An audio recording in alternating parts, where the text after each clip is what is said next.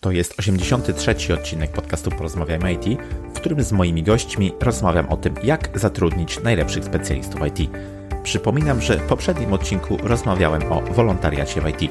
Wszystkie linki oraz transkrypcję dzisiejszej rozmowy znajdziesz pod adresem porozmawiajmyit.pl łamany na 83. Jeśli jeszcze tego nie zrobiłeś, to wystaw ocenę lub recenzję podcastowi w aplikacji, w której tego słuchasz. Chcę poszerzać horyzonty ludzi z branży IT i wierzę, że poprzez wywiady takie jak ten publikowane jako podcasty będę to robił z sukcesem. Już dzisiaj możesz mnie wesprzeć w tej misji, zostając patronem na platformie Patronite. Wejdź na porozmawiajmyit.pl łamany na wspieram i sprawdź szczegóły. Jednocześnie bardzo dziękuję moim obecnym patronom. Ja się nazywam Krzysztof Kępiński i życzę Ci miłego słuchania. Odpalamy. Cześć. Dzisiaj w podcaście goszczę braci Jurek, Dominika i Piotra. Dominik posiada prawie 15-letnie doświadczenie zawodowe zdobyte w Polsce, Niemczech, Anglii, Chinach. Jest uczestnikiem programu MBA w Pekinie, pasjonatem sourcingu i znawcą książek dotyczących zarządzania. Jest również założycielem firmy Next Technology Professionals, realizującej projekty rekrutacyjne w obszarze IT oraz nowych technologii. Oraz Piotr, Współwłaściciel firmy Next Technology Professionals posiada prawie 10-letnie doświadczenie zawodowe w branży IT. Samodzielnie jako PM oraz jako menadżer zespołów prowadził duże projekty IT w Polsce oraz ponad 30 krajach za granicą, m.in. dla Vodafone, Airtel czy Orange. Prywatnie uwielbia gotowanie. Dominik Piotr, bardzo miło mi gościć Was w podcaście. Dzień dobry serdecznie. Hej. A z Dominikiem i Piotrem dzisiaj będę rozmawiał o tym, jak zatrudnić najlepszych specjalistów IT. Ale oczywiście standardowo na początku musi się znaleźć to moje pytanie wprowadzające, czyli czy słuchacie podcastów? Jeśli tak, to jakich najczęściej? E, tak, oczywiście. Ja mogę powiedzieć przede wszystkim o gotowaniu, ale pewnie, pewnie nie o to pytasz. E, a tak na poważnie, to, to, to oczywiście porozmawiajmy o IT. Słucham też dużo podcastów dotyczących sprzedaży, też skupiających się na Sandlerze oraz y, Recruitment on the Go. Mhm. Ja po, po, podobnie do Piotra, może poza tymi podcastami odnośnie gotowania. Y, natomiast ja z kolei dużo czytam, jeżeli chodzi o, o rynek pracy i trendy w rekrutacji. Znaczy już sam jakby LinkedIn oraz y, grupy na Facebooku dostarczają niesamowicie dużo informacji. Z takich dwóch osób, które śledzę regularnie w internecie, no to jest po pierwsze Irina Szamajewa, która dostarcza regularnie e, inspiracji odnośnie tego, w jaki sposób kreatywny docierać do najlepszych kandydatów. E, I Austin Belcak to jest taki mm, człowiek, który z kolei pomaga ludziom znaleźć pracę. Też ma bardzo dużo ciekawych pomysłów, które można wykorzystać po prostu potem w rekrutacji osób do, do właśnie do naszych klientów. Okay, dzięki za te rekomendacje.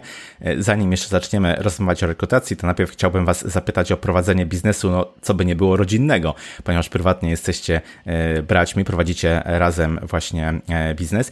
Czy łatwo jest połączyć, a kiedy trzeba rozłączyć te dwie role i te dwa życia, powiedzmy prywatne i, i właśnie zawodowe? Generalnie mamy taką złotą zasadę, że w weekendy nie rozmawiamy o, o pracy i o biznesie. Mhm. Tak, mo można, można powiedzieć, że jakby od poniedziałku do piątku jesteśmy partnerami biznesowymi, a w sobotę, niedzielę jesteśmy braćmi, więc y, dosyć mocno te, te role jednak rozdzielamy i staramy się nie mieszać jednego do drugiego. Natomiast też dzięki temu, że jesteśmy braćmi, w biznesie też zdecydowanie łatwiej się dogadujemy, bo też mamy taką otwartość w komunikacji i szczerość. I spore zaufanie oczywiście. Dokładnie, o zaufanie myślę, że, żeby, żeby, żebym to podkreślił.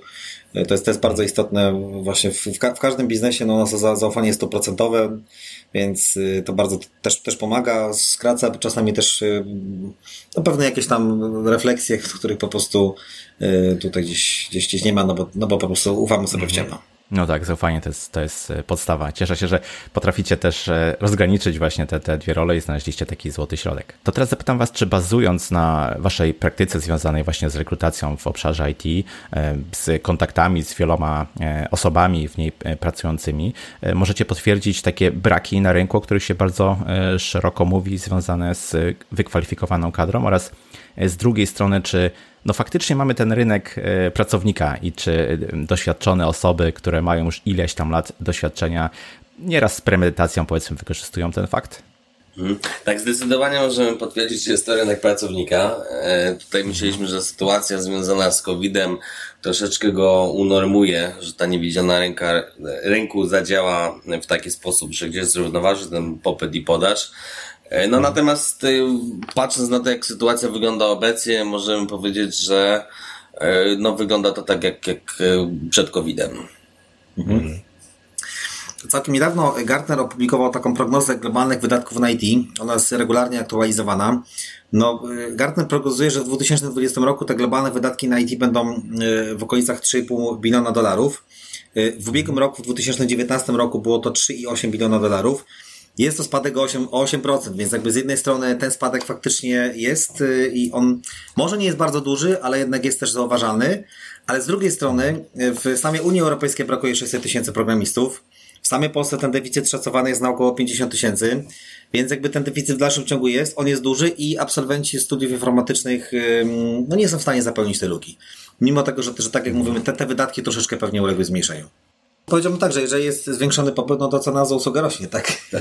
Ja też nie, nie powiedziałbym, że oni to z premedytacją wykorzystują, to rynek ich takimi czyni, tak? To pracodawcy ich rozpieszają i prześcigają się troszeczkę w wymyślaniu różnego rodzaju benefitów, e, próbami skuszenia tych kandydatów, tak?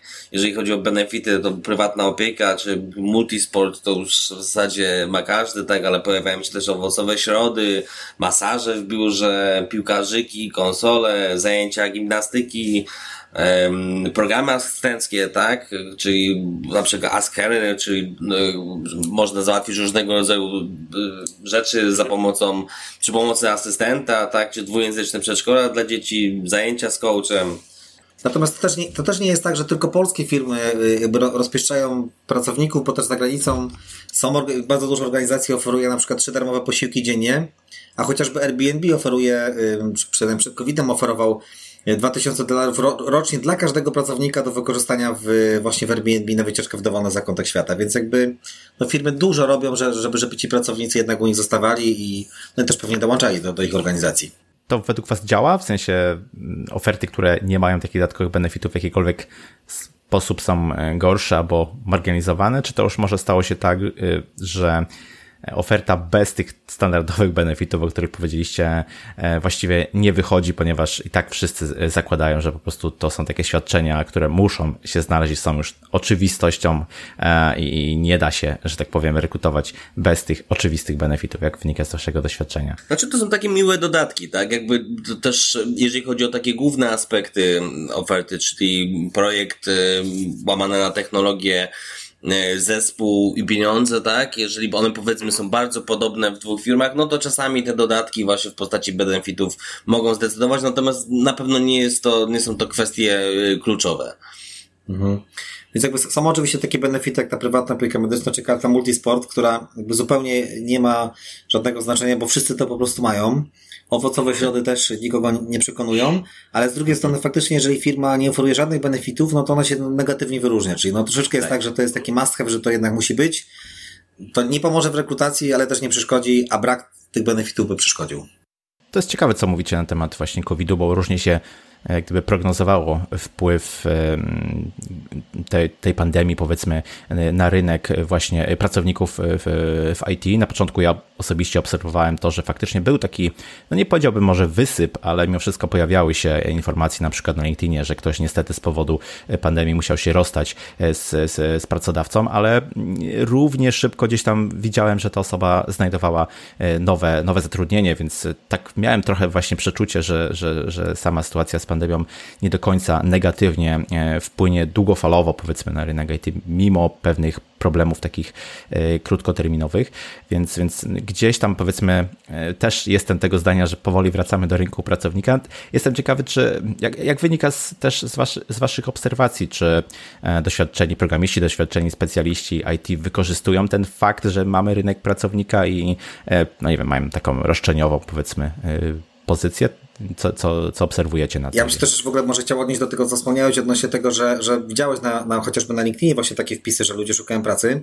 No więc też wiem, że dla wielu y, ludzi, którzy są na rynku IT od, od 5 bądź więcej lat, było to pierwszy raz w życiu, że oni faktycznie musieli tej pracy szukać. Było to nowe, nowe doświadczenie. Na szczęście większość tych ludzi tą pracę uda, y, po prostu pozyskała, udało mi się znaleźć. No niemniej jednak y, była to sytuacja, która była bez precedensu w karierze po prostu wielu, wielu młodych ludzi. Tak. Jeszcze dodam tylko, że jakby to, co obserwowaliśmy, faktycznie, że wiele firm zawiesiło rekrutację i nie rekrutowało, natomiast z drugiej strony pojawiło się też sporo nowych podmiotów zagranicznych, które ze względu na optymalizację kosztową postanowiły przenieść część kompetencji do, do powiedzmy w cudzysłowie tańszych krajów i wiele pojawiało się u nas sporo takich zapytań właśnie z zagranicy, z racji tego, że wszyscy i tak pracują zdalnie, to żeby tą, tą pracę wykonywać właśnie z kraju, gdzie te kompetencje są troszeczkę tańsze i, i pomimo tego, że, że na rynku lokalnym gdzieś część rekrutacji była zamrożonych, to jednak z tych rynków zagranicznych pojawiało się sporo nowych ofert chciałbym chwilę pociągnąć ten wątek, o którym wspomniał Piotr, właśnie ten finansowy. E, mianowicie no, nie jest pewnie dla nikogo żadną tajemnicą, że zmiana pracy jest często takim najprostszym, najłatwiejszym i najskuteczniejszym sposobem na to, żeby podwyższyć swoje zarobki. E, czy wynagrodzenie jest według Was takim kluczowym e, czynnikiem, najważniejszym aspektem oferty pracy, na który specjaliści w IT zwracają uwagę, jeśli faktycznie chcą zmienić zatrudnienie? Myślę, że najważniejszym nie, natomiast w top 3 na pewno obok y, projektu i, i staku technologicznego oraz zespołu są pieniądze. Mhm. Top 3, czyli mhm. projekt, w tym technologię, zespół oraz, y, oraz pieniądze. Mhm. Ja bym tutaj dodał też, że y, te pieniądze faktycznie one są istotne, natomiast tak naprawdę w przypadku większości inżynierów nie chodzi o te pieniądze. Czytałem bardzo, bardzo ciekawą publikację odnośnie początków Netflixa, gdzie założyciel właśnie tej firmy powiedział o tym, że z jego obserwacji większość inżynierów oczywiście może sobie wybrać dowolne miejsce pracy, a ich proces decyzyjny odnośnie wyboru tego miejsca pracy to składa się tak naprawdę z dwóch takich kluczowych pytań. Pierwsze pytanie, czy szanuje ludzi, którzy chcą mnie zatrudnić? Rozumiane jako to, czy, czy są to ludzie, którzy są, mają określone kompetencje, określone doświadczenie i czy jakby ja się przy nich y, y, też rozwinę i też oczywiście, czy się gdzieś tam dogadujemy. A druga rzecz to, czy będę miał interesujące problemy do rozwiązania. Więc jakby jeżeli te, te, te odpowiedzi na te dwa pytania były pozytywne, no to te pieniądze nie były aż tak bardzo istotne. I, i ta oferta po prostu mogła być uważana za, za atrakcyjną. To jeszcze kontynuując, kontynuując trochę ten, e, ten wątek, chciałbym Was zapytać o e, widełki w ofercie. Dużo się o tym mówi. Mówi się o tym, że branża IT po części wywalczyła, wymus, wymusiła sobie umieszczanie właśnie takich e, widełek w ofercie, chociaż no, mam wrażenie, że za granicą to jest znacznie bardziej powszechniejsze, może po prostu swobodniej mówi się o pieniądzach niż, niż u nas, ale mimo wszystko stawia się dosyć silny akcent e, nawet w Polsce na to, żeby oferty pracy posiadały chociażby jakieś tam zdefiniowane e, widełki. Więc czy według Was oferta bez widełek jest z góry skazana na niepowodzenie? Generalnie uważamy, że nie. Sporo naszych klientów, sporo naszych klientów nie publikuje widełek, a jednak udaje nam się te wakaty uzupełnić. Ostatnio była taka ciekawa sonda przeprowadzona przez Wirtualną Polskę dotycząca tej kwestii, która pokazała, że no ponad 90% osób szukających pracy oczekuje, aby firmy podawały e, wynagrodzenie w, w swoich ofertach, natomiast nie jest to must. Czasami firmy próbują też obejść to w jakiś sposób, podając zbyt szerokie widełki. Obserwujemy to w, w różnego rodzaju ogłoszeniach, gdzie widzimy na przykład widełki z, z zakresu 8-20 tysięcy, załóżmy, niewiele to wnosi, tak? Więc te widełki, jeżeli są, to też powinny być bardziej konkretne. Mhm. Ja powiedział, że tak, jeżeli, jeżeli widełki są atrakcyjne, no to faktycznie jest to jakiś atut oferty i warto o tym wspomnieć. Y, nam to też zresztą ułatwia pracę. Natomiast y, na pewno też nie jest tak, że firmy, które nie publikują widełek, y, nie publikują mi dlatego, że to, te, te, to wynagrodzenia nie są istotne, bo firma, jakby my mamy dostęp do, do, do, do, do tych budżetów, które firmy mają na stanowisko i wiemy, że są to czasami bardzo atrakcyjne, atrakcyjne budżety, ale po prostu nie możemy o nich mówić, więc więc tak jak, tak jak mówię, to, to nie jest tak z automatu, że nie ma widełek, to znaczy, że te widełki są słabe. Na pewno jest tak, że, że w, jeśli chodzi o naszych kandydatów, no to jeżeli yy, nawet mamy taką sytuację, że faktycznie o tych widełkach nie możemy mówić, no to po prostu pytamy kandydata, jaka kwota jego interesuje. Jeżeli ta kwota jest yy, kwotą powyżej budżetu, no to jakby też nie marnujemy czasu kandydata ani też firmy na na spotkanie, bo po prostu nic z tego nie będzie. E, natomiast też trzeba pamiętać o tym, że, że e, czasami jest tak, że firmy nawet jeżeli mają jakiś, jakiś budżet, który, który przeznaczyły na stanowisko, ale spotkałem kandydata, który jest bardzo dobry, no to mogą mu zaoferować kwotę wyższą niż ta, ta kwota, która była ujęta w, w, w tych pierwotnych widełkach. Natomiast też, też, też drugą stronę, jeżeli nawet widełki są wysokie, ale kandydat w procesie rekrutacyjnym zaprezentuje się słabo, no to nie może liczyć na tą najwyższą kwotę, która tam jest. A, a, równie dobrze może być w innym procesie uczestniczyć równolegle, gdzie te widełki są niższe, ale zaprezentuje się dużo lepiej i dostanie dużo lepszą propozycję w, w, w, innej firmie, gdzie pierwotnie, no mówię, te widełki są niższe, a dostanie wyższą propozycję niż w firmie, gdzie te widełki są wyższe, więc jakby traktujmy, jakby te widełki są, są, są jakimś tam kierunkowskazem, są jakąś informacją, natomiast to, jaką kwotę finalnie kandydat y, otrzyma, no często z, no, no jakby ona, ona może być po prostu jakby różna w zależności od, od, od tego, jak się po prostu zaprezentuje w procesie. Tak, myślę, że to jest bardzo takie mm, fair i uczciwe podejście, które stosujecie, że nie marnujecie czasu, e, powiedzmy, kandydata, który, co do którego wiecie, że dosyć istotnie rozmija się, rozmijają się jego oczekiwania w stosunku do, do oferty.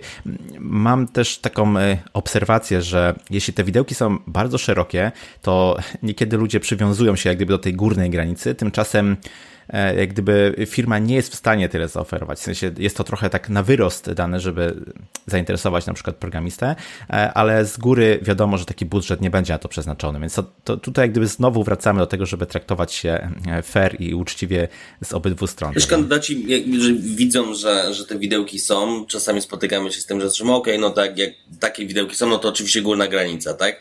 Tylko należy też pamiętać o tym, że są też często w procesie inni kandydaci, i taki kandydat też musi być konkurencyjny.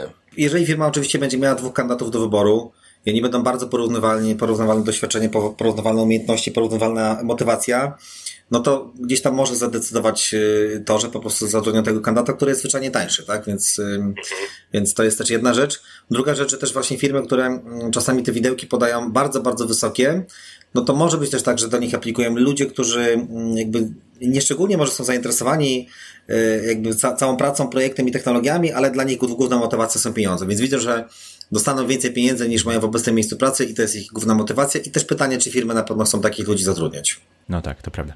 Dobrze, to może zostawmy kwestie e, finansowe, bo to jest e, dosyć e, szeroki temat i wiele, wiele tej wątków można byłoby wyciągnąć. I przejdźmy do tych kolejnych motywacji, o których powiedzieliście na początku, które mogą w jakiś sposób przyciągnąć specjalistów IT do oferty. Mianowicie no, szukając nowej e, pracy, chcemy jako kandydaci wiedzieć, jakich e, technologii firma używa, jakie e, projekty realizuje, jakie jest to zaplecze technologiczne. Na co według Was zwrócić uwagę przy konstruowaniu oferty pracy właśnie w tym zakresie, żeby no, uczynić tą ofertę wystarczająco atrakcyjnym pod względem technologicznym dla potencjalnych kandydatów?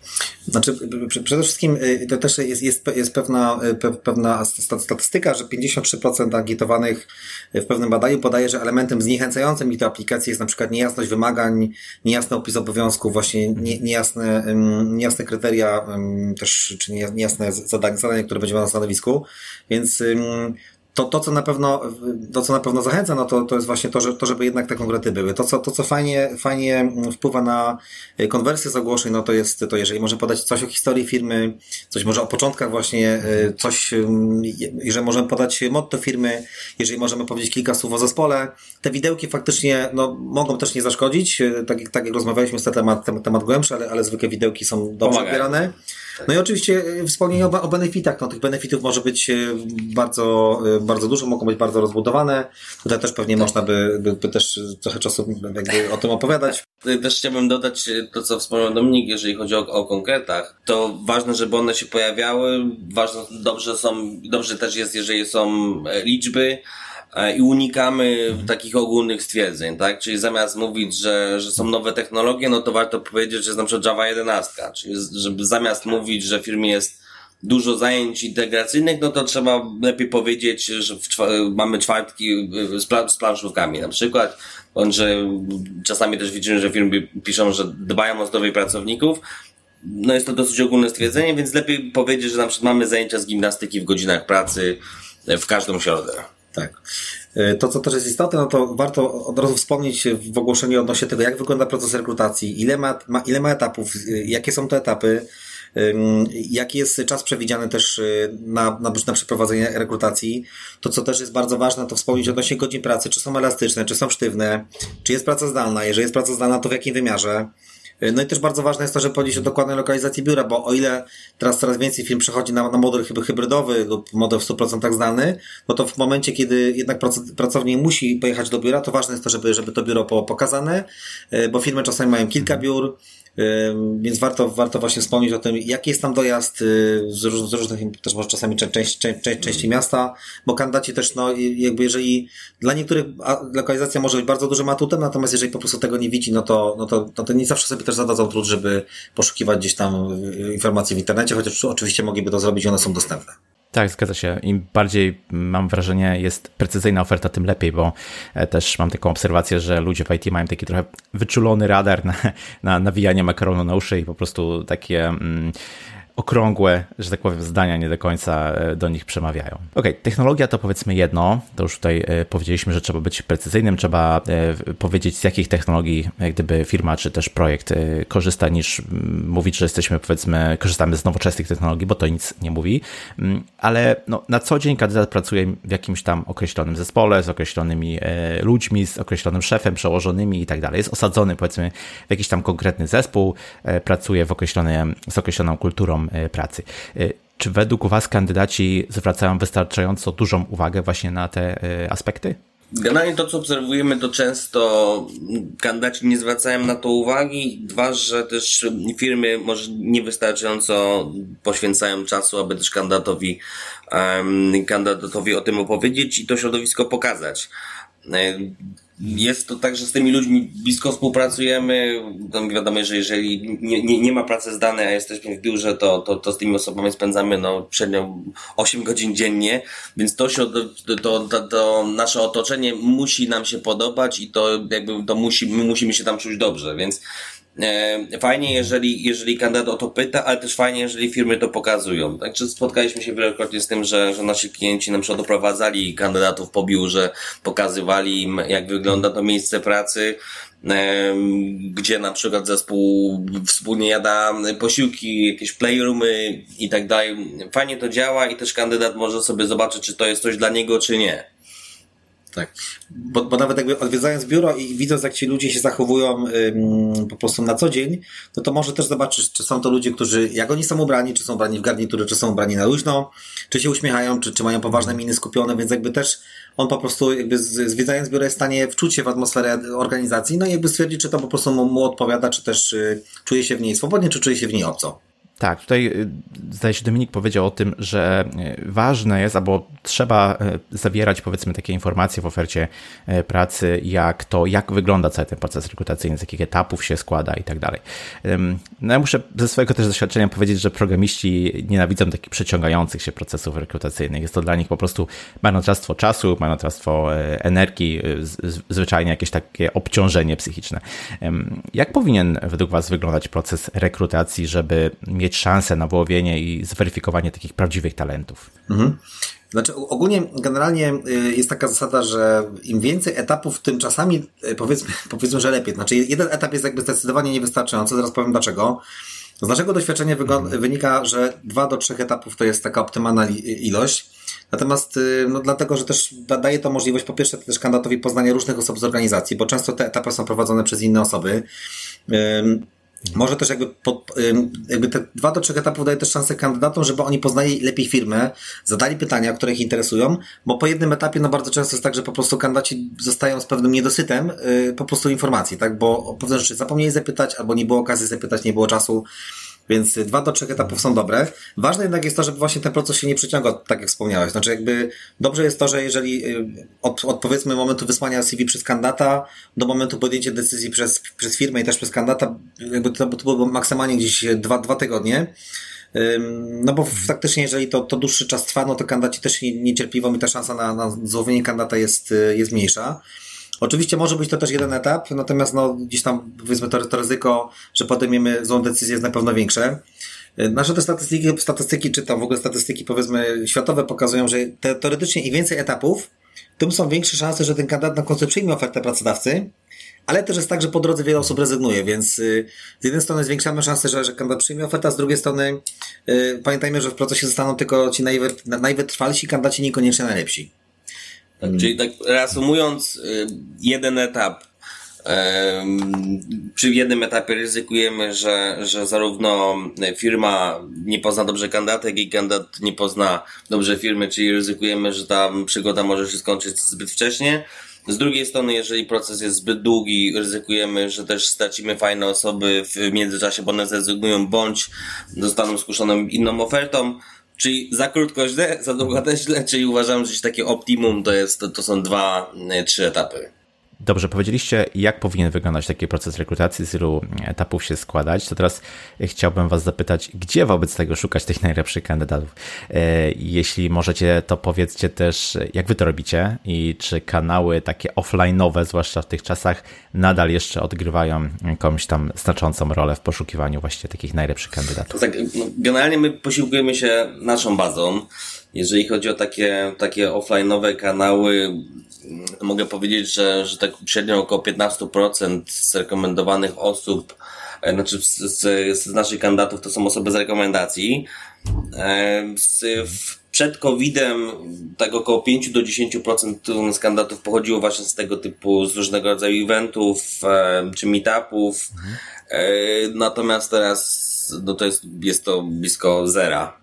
Praktycznie nie mamy takich kandydatów, więc jeżeli chodzi o to, to to wygląda to dosyć mizernie. No oczywiście używamy różnego rodzaju zaawansowanych technologicznie narzędzi. O tym więcej nie mogę mówić, bo dobry kucharz nie zdradza swoich przepisów. Jest to część naszego know-how. Głównie internet. Mhm, tak. Natomiast no, też, też no, można wykorzystywać internet oczywiście w sposób taki, jak, jak czasami mówię Excelu, że niby każdy zna Excela, natomiast no, większość ludzi wykorzystuje 5 do 10% wszystkich funkcjonalności tego Excela. No więc my, my, my mamy dosyć dobrze rozpracowane te stanowiska. Y, do słowa programista na przykład używamy 64 synonimów.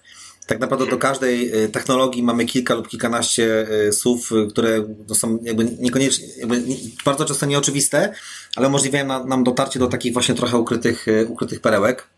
Natomiast jeżeli chodzi o, o te właśnie takie źródła offline'owe, to tak, tak, jak, tak jak wspomniał Piotr, no, my dosyć dużo tych procesów w swojej historii już zrealizowaliśmy. W, tym procesie, w każdym procesie, no, e, powiedzmy jedna osoba e, może otrzymała pracę, natomiast no, było, było, nie wiem, dwóch, trzech, czterech, pięciu, dziesięciu innych kandydatów, którzy w tym procesie uczestniczyli, gdzie może, może to, to się nie, nie skończyło dobrze, tak, jakby przejęcie pracy, natomiast E, no, z którymi mieliśmy kontakt i że ci kandydaci pozytywnie oceniają współpracę z nami nasz profesjonalizm, no to po prostu polecają swoim kolegom. I bardzo często to się odbywa tak, że po prostu e, zgłaszają się, czy, czy, czy dzwonią, mówią, słuchaj Dominik, mój kolega szuka teraz pracy jako, nie wiem, programista, architekt, czy tester oprogramowania, czy miałbyś coś dla niego? I, no i to akurat jeżeli mamy taki proces, no to też tych kandydatów oczywiście e, włączamy do procesu, więc tego jest całkiem sporo, chociaż no tak jak Piotr wspomniał, no głównie jednak jest to internet, przeszukiwanie różnego rodzaju portali, i tam, tam w ten sposób właśnie docieramy do ludzi.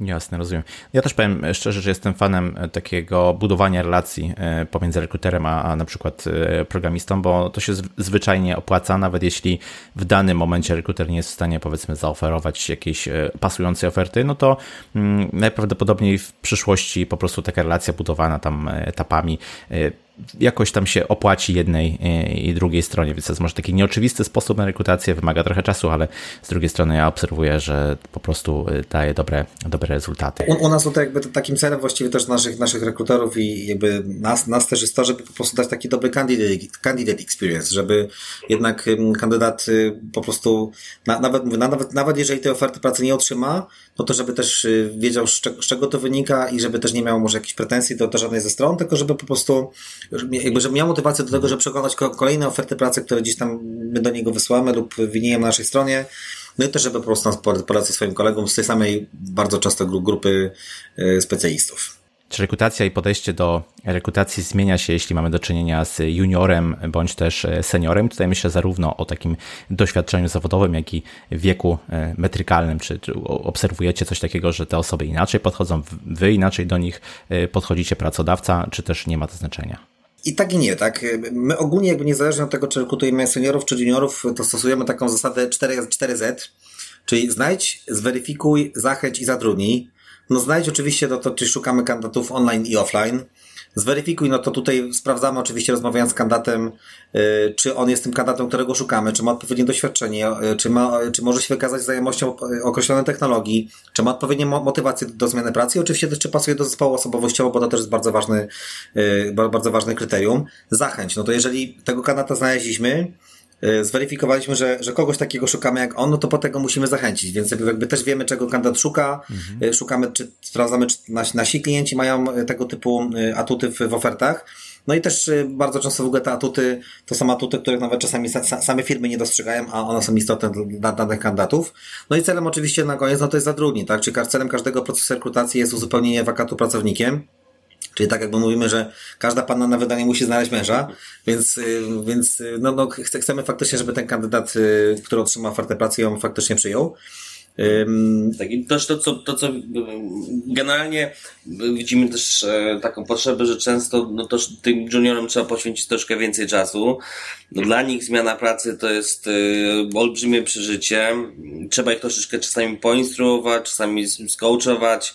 E, więcej też trzeba im wyjaśnić w kontekście umów, czy też składania wypowiedzenia.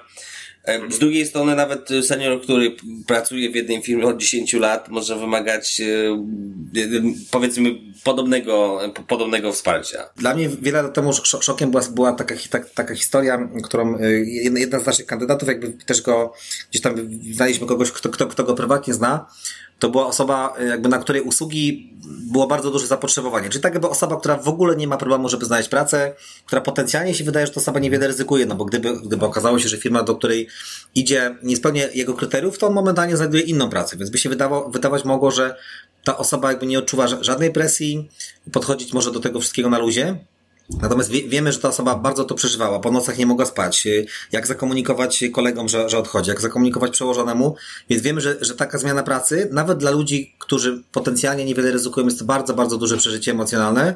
No i też naszym celem po prostu jest gdzieś, gdzieś zrozumieć po prostu tych kandydatów, zrozumieć ich emocje, dać im też czasu troszeczkę na przyswojenie sobie tego, że, że no, to, to pracę po prostu będą zmieniać. E, więc myślę, że tutaj z, e, troszeczkę by trzeba takim też, też można powiedzieć, takim partnerem, e, który towarzyszy im w tej drodze, która jest dla nich bardzo, bardzo stresująca. No tak, oczywiście. Podobne pytanie mam też w stosunku do stanowisk. Czy proces rekrutacji jest, powiedzmy, podobny, zbliżony, opiera się na tych samych zasadach, jeśli mówimy o stanowiskach technicznych, jak i menedżerskich? Generalnie on, zdecydowanie się różni. Jeżeli chodzi o takie stanowiska menedżerskie, no to większa uwaga jest poświęcona tym kompetencjom miękkim e, niż w przypadku tych stanowisk technicznych. I z tego co widzimy też, e, jeżeli chodzi o te stanowiska menedżerskie, no kluczową rolę tutaj odgrywają referencje z poprzednich miejsc pracy. To nie takie referencje, które, które może nam udzielić kolega, który się biurko obok. No z, z, racji też jakby tutaj no, naszej działalności na polskim rynku i na, na koncentracji na, na pewnych miastach, no to mamy po prostu bardzo dużo kontaktów, więc możemy w sposób taki bardzo nieformalny e, po prostu sprawdzić e, wielu kandydatów, dowiedzieć się, co, jak, jak pracowali, jak się odnajdują w, w, w, właśnie w takiej współpracy, jak zarządzali ze zespołem, więc e, taką możliwość mamy.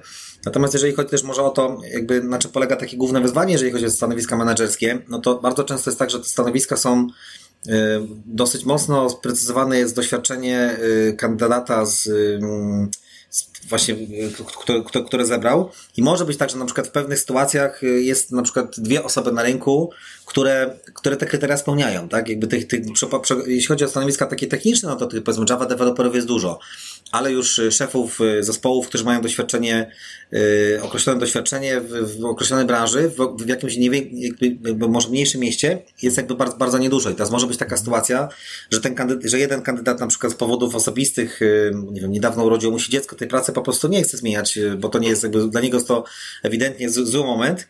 No, więc mamy drugiego kandydata, i tutaj wiemy, że nie ma opcji rezerwowej, wiemy, że nie ma innego kandydata, którego możemy przekonać, więc y, no, to jest tutaj bardzo duża presja też na konsultancie, który taki proces prowadzi. No i sekretem tutaj sukcesu w takiej rekrutacji jest przygotowanie, dobre rozeznanie stanowiska, przygotowanie sobie argumentacji, przygotowanie sobie kontrargumentacji do, do, do, do, do, tego, do tego kandydata. No bo tak jak mówimy, no tutaj po prostu nie można się pomylić. To jest jakby, jest wszystko albo nic, tak? Więc to jest chyba taka, ta, ta, ta, taka główna różnica. Chciałbym trochę ten wątek e, pociągnąć, bo no, nawet dla tych e, specjalistów, tych programistów, którzy powiedzmy chodzą na rekrutację tak trochę dla sportu po to, żeby się sprawdzić, to i tak nawet dla nich, tak jak powiedzieliście, zmiana pracy czy udział w kolejnej rekrutacji wiąże się z jakimś tam e, stresem. No i tutaj jest gdyby właśnie bardzo istotna rola rekrutera, który jest często taką pierwszą, ale też nieraz jedyną jak gdyby osobą do, do kontaktu. W jaki sposób taka osoba, taki rekruter powinien prowadzić całą rekrutację, na jakie aspekty powiedzmy powinien zwrócić uwagę, aby zainteresować kandydata i później e, spowodować, że gdzieś on tam nie odpadnie, powiedzmy, w trakcie procesu. Przede wszystkim konsultant powinien się też tutaj wykazać taką empatią i zaangażowaniem. E, moim zdaniem powinien też dać kandydatowi, kandydatowi prawo do powiedzenia nie powinien mieć takie też elastyczne podejście do, do jego potrzeb, tak? I, i grać też w, w otwarte karty. Jeżeli konsultant widzi, że to, to doświadczenie nie do końca się też pokrywa z tym, co z, z wymaganiami ze strony klienta, tak? No to też powinien jakby to wyraźnie komunikować, żeby tego, żeby nie pojawiło się takie rozczarowanie, czy to z jednej, czy z drugiej strony. Tak, no, no u nas to faktycznie ta komunikacja z kandydatami jest, jest dosyć otwarta. Nie obiecujemy gruszek na wierzbie, bo to prędzej czy później jakby można łatwo zweryfikować. Y, staramy się dobrze briefować kandydatów, jeżeli chodzi o to właśnie, co to za firma, jak wyglądają obowiązki, jakie są projekty, jakie są szkolenia, żeby po prostu też ta osoba mogła podjąć świadomą decyzję. No i my też jakby ze swojej strony, jeżeli czujemy po stronie kandydata nawet taką, takie wątpliwości w głosie, to po prostu o to pytamy, tak? Raczej nie staramy się, nie chcemy się niczego domyślać, zamiast tego po prostu wolimy pytać i wiedzieć. No i jeżeli na przykład y, może być też tak, że na przykład kandydatowi na czymś szczególnie zależy, a my wiemy, że nasz klient nie będzie mógł tego zaoferować, bo wiemy, że to jest powyżej budżetu i ten klient akurat tego budżetu, y, no to jest dla niego świętość, no to też po prostu o tym gdzieś, gdzieś mówimy, nie czarujemy, więc trochę czasami mówimy, że traktujemy tych kandydatów bardzo po partnersku, że trochę rekrutujemy nie rekrutując, czyli właśnie nie wywieramy presji, jakby nie obrażamy się, nie liczymy też na to, że, że jeżeli kandydat nie jest przekonany albo gdzieś on, on może by chciał, ale firma szuka kogoś innego, to liczymy na to, że może jakoś się uda, po prostu też y, nie, nie mamy złudzeń, tylko powiedzmy twardo, twardo stąpamy po ziemi. Często jest tak, niestety obserwuję, że jeden kandydat jest prezentowany wielu firmom, zwłaszcza jeśli to są takie popularne stanowiska, jak na przykład powiedzieliście Java Developer. Wiele firm równolegle jak gdyby korzysta z usług na przykład tej samej e, firmy rekrutacyjnej, no i niestety jeden kandydat jest prezentowany wielu e, firmom. Wiem, że u Was w Next Technology Professionals inaczej się to rozwiązuje. Dlaczego według Was to jest zła praktyka i dlaczego zdecydowaliście się na inne podejście w tym mm. temacie? Generalnie my wyznajemy taką filozofię, że, że znaczy każdy proces jest inny, tak? Każda firma jest inna, zespół jest inny, ludzie są inni i to e, ta rekrutacja jest prowadzona po to, żeby dopasować tą osobę właśnie pod konkretny projekt, firmę i zespół.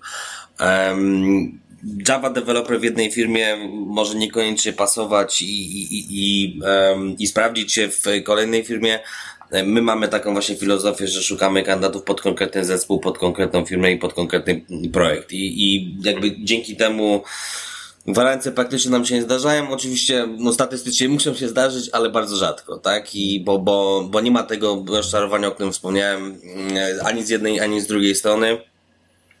E, także, że tak jak wspomniałem, Java developer pasujący w jednej firmie może się zupełnie nie sprawdzić w drugiej. Tak, znaczy też, też z naszej strony jakby, wiele firm tak pracuje i to też jest pewnie ok, że pracodawcy pracują, nie wiem, z pięcioma agencjami, a, a agencja wysyła kandydata do pięciu różnych firm. Więc jakby tam nie ma też takiego przywiązania. Y, no, my tak nie działamy. Raczej klienci, z którymi pracujemy, albo mamy projekty na wyłączność, albo jesteśmy może jedną z dwóch firm, które, które pracują nad, nad danym procesem, albo po prostu mamy, albo tych agencji może być na przykład dwie, trzy, natomiast nad danym procesem pracuje jedna agencja, więc to, to jest też takie partnerskie podejście, bo my też odczuwamy mm, taką, można powiedzieć, y, też odpowiedzialność za to, żeby jednak ten konkretny klient, ta konkretna firma znalazła kandydata, no bo nawet jeżeli inny klient y, do tego kandydata zatrudnił, no to dalej nasz klient ma, ma te braki kadrowe. Wtedy oczywiście to powoduje pewnie niezadowolenie pracowników i menadżerów, więc y, no my pracujemy z nimi, y, z tymi klientami blisko. My, my jesteśmy odpowiedzialni za powodzenie tego procesu. No i też, no mówię, z jednej strony jest to może komfort, bo, bo nad danym procesem pracuje, pracuje jedna firma, ale z drugiej strony też jest to większa odpowiedzialność No też to, to, co warto wspomnieć, że też no, my mamy jednego takiego klienta, gdzie, gdzie jakby celem głównym jest pozyskanie pracowników z takiej najbardziej atrakcyjnej firmy w, w świecie technologii, której nazwa zaczyna się na literkę G. No teraz, żeby takiego pracownika pozyskać, no to naprawdę trzeba też poświęcić pewien, no do, dosyć duży czas, żeby rozpoznać jedną firmę, drugą firmę, móc zebrać argumenty, które mogą przekonać takiego kandydata do, do zmiany. No teraz, jeżeli byśmy jakby żonglowali tymi kandydatami, żonglowali firmami, no to jakby nie ma możliwości tak głęboko wejść w ten temat i no, takich osób po prostu się, się, się, się nie przekona. Także e, zresztą w ogóle, jeżeli byśmy takiemu kandydatowi oferowali kilka różnych ofert, żonglowali tymi ofertami, to osłabiłoby też nas, nasz przekaz i byśmy na pewno nie nieśli sukcesu, więc tak. no my pracujemy zdecydowanie ze mniejszą ilością pewnie klientów, ale ten kandydat faktycznie, jeżeli jakby jest prezentowany naszemu klientowi, no to on jest tylko w tej firmie. Tak? Tak, jeżeli kandydat jest dobrze dopasowany zespołu, do zespołu, to tak naprawdę to jest win-win zarówno i dla kandydata, i dla klienta i on po prostu, jemu się będzie dobrze pracowało i, z, i też z tym klientem zostanie na dłużej, tak? Bo to jest właśnie środowisko takie, któremu, któremu odpowiada i, um, i tutaj nie będzie żadnego rozczarowania. OK, czyli kandydat powiedzmy e, w takim podejściu wygrywa. Chciałbym Was zapytać, jak to się ma do e, rekrutera, bo jednym z takich powszechnych problemów w rekrutacji w IT jest to, że rekruter jest zaangażowany w wiele procesów, zbyt wiele procesów. Nie jest wówczas w stanie wystarczająco dobrze, powiedzmy, no, faktycznie skupić się na tej jednej rekrutacji, no i cierpi na tym sama rekrutacja, e, kandydaci, no i też pewnie gdzieś tam klient na samym końcu też kandydaci na przykład nie dostają informacji zwrotnych e, na czas. Generalnie wszyscy są gdzieś tam sfrustrowani. Jak wy sobie radzicie w waszej firmie? Czy macie jakieś wypracowane e, podejście na tego typu? Tak, e, problem? generalnie u nas w firmie mamy taką zasadę, że mamy dowolność przyjmowania procesów, czyli w momencie, kiedy taki proces rekrutacyjny trafia do nas, do, do firmy, wtedy otwarcie dyskutujemy z konsultantami, kto taki proces chciałby wziąć, kto ma wolne przebiegi. Jeżeli jest taka sytuacja, że, że w tym momencie ten workload jest dosyć wysoki i, i mogłoby to wpływać na, e, na, na, na jakość pracy konsultantów, e, wtedy po prostu zlecamy jakąś część tych, czy część procesu rekrutacyjnego e, do naszych zaprzyjaźnionych i sprawdzonych firm, czy po prostu podzlecamy jaką, jakiś element tego procesu rekrutacyjnego. Tak. Natomiast tak jak Piotr wspomniał, no u nas rekrutorzy są takimi samodzielnymi jednostkami, sami określają jakby nakład pracy, który potrzebują włożyć w dany proces, żeby znaleźć kandydatów. No, naszym takim celem jest to, że jakby zawsze mm, rekruter nie powinien zajmować się nowym procesem, jeżeli nie ma wartościowych kandydatów w tym procesie, na którym obecnie pracuje. Czyli musi pozyskać e, fajne osoby dla, dla naszego klienta, wtedy może pomyśleć o, o innym procesie.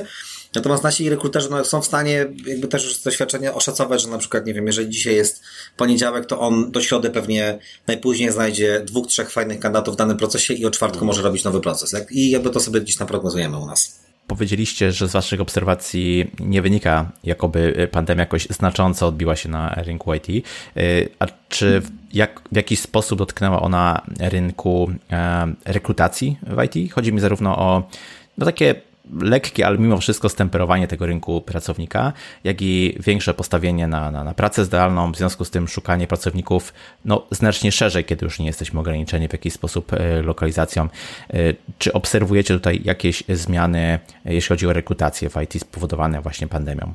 Znaczy tak, jeżeli chodzi o, o pracę zdalną, no to widzimy taki faktycznie no, ten bardziej hybrydową model, model pracy zdalnej, czyli wiel, wielkie korporacje, które powiedzmy pół roku temu y, jakby sobie nie wyobrażały tego, że pracownicy mogą wykonywać pracę zdalnie, wypróbowały to, zobaczyły, że jakby ta wydajność wcale niekoniecznie spada, u niektórych wręcz rośnie y, i jakby dopuszczają teraz już w pewnym wymiarze tą pracę zdalną, najczęściej jeden do dwóch dni. No a inne firmy, które wcześniej tę, tę, tę pracę zdalną już dopuszczały, część przeszło w ogóle na 100% pracę zdalną, porezygnowało zbiór, E, i, no i ci, ci pracownicy nie muszą dojeżdżać jakby to też jest bardzo często z korzyścią. Znaczy, oczywiście praca zdalna też, jak wszystko, ma, ma plusy i minusy, tak? tak.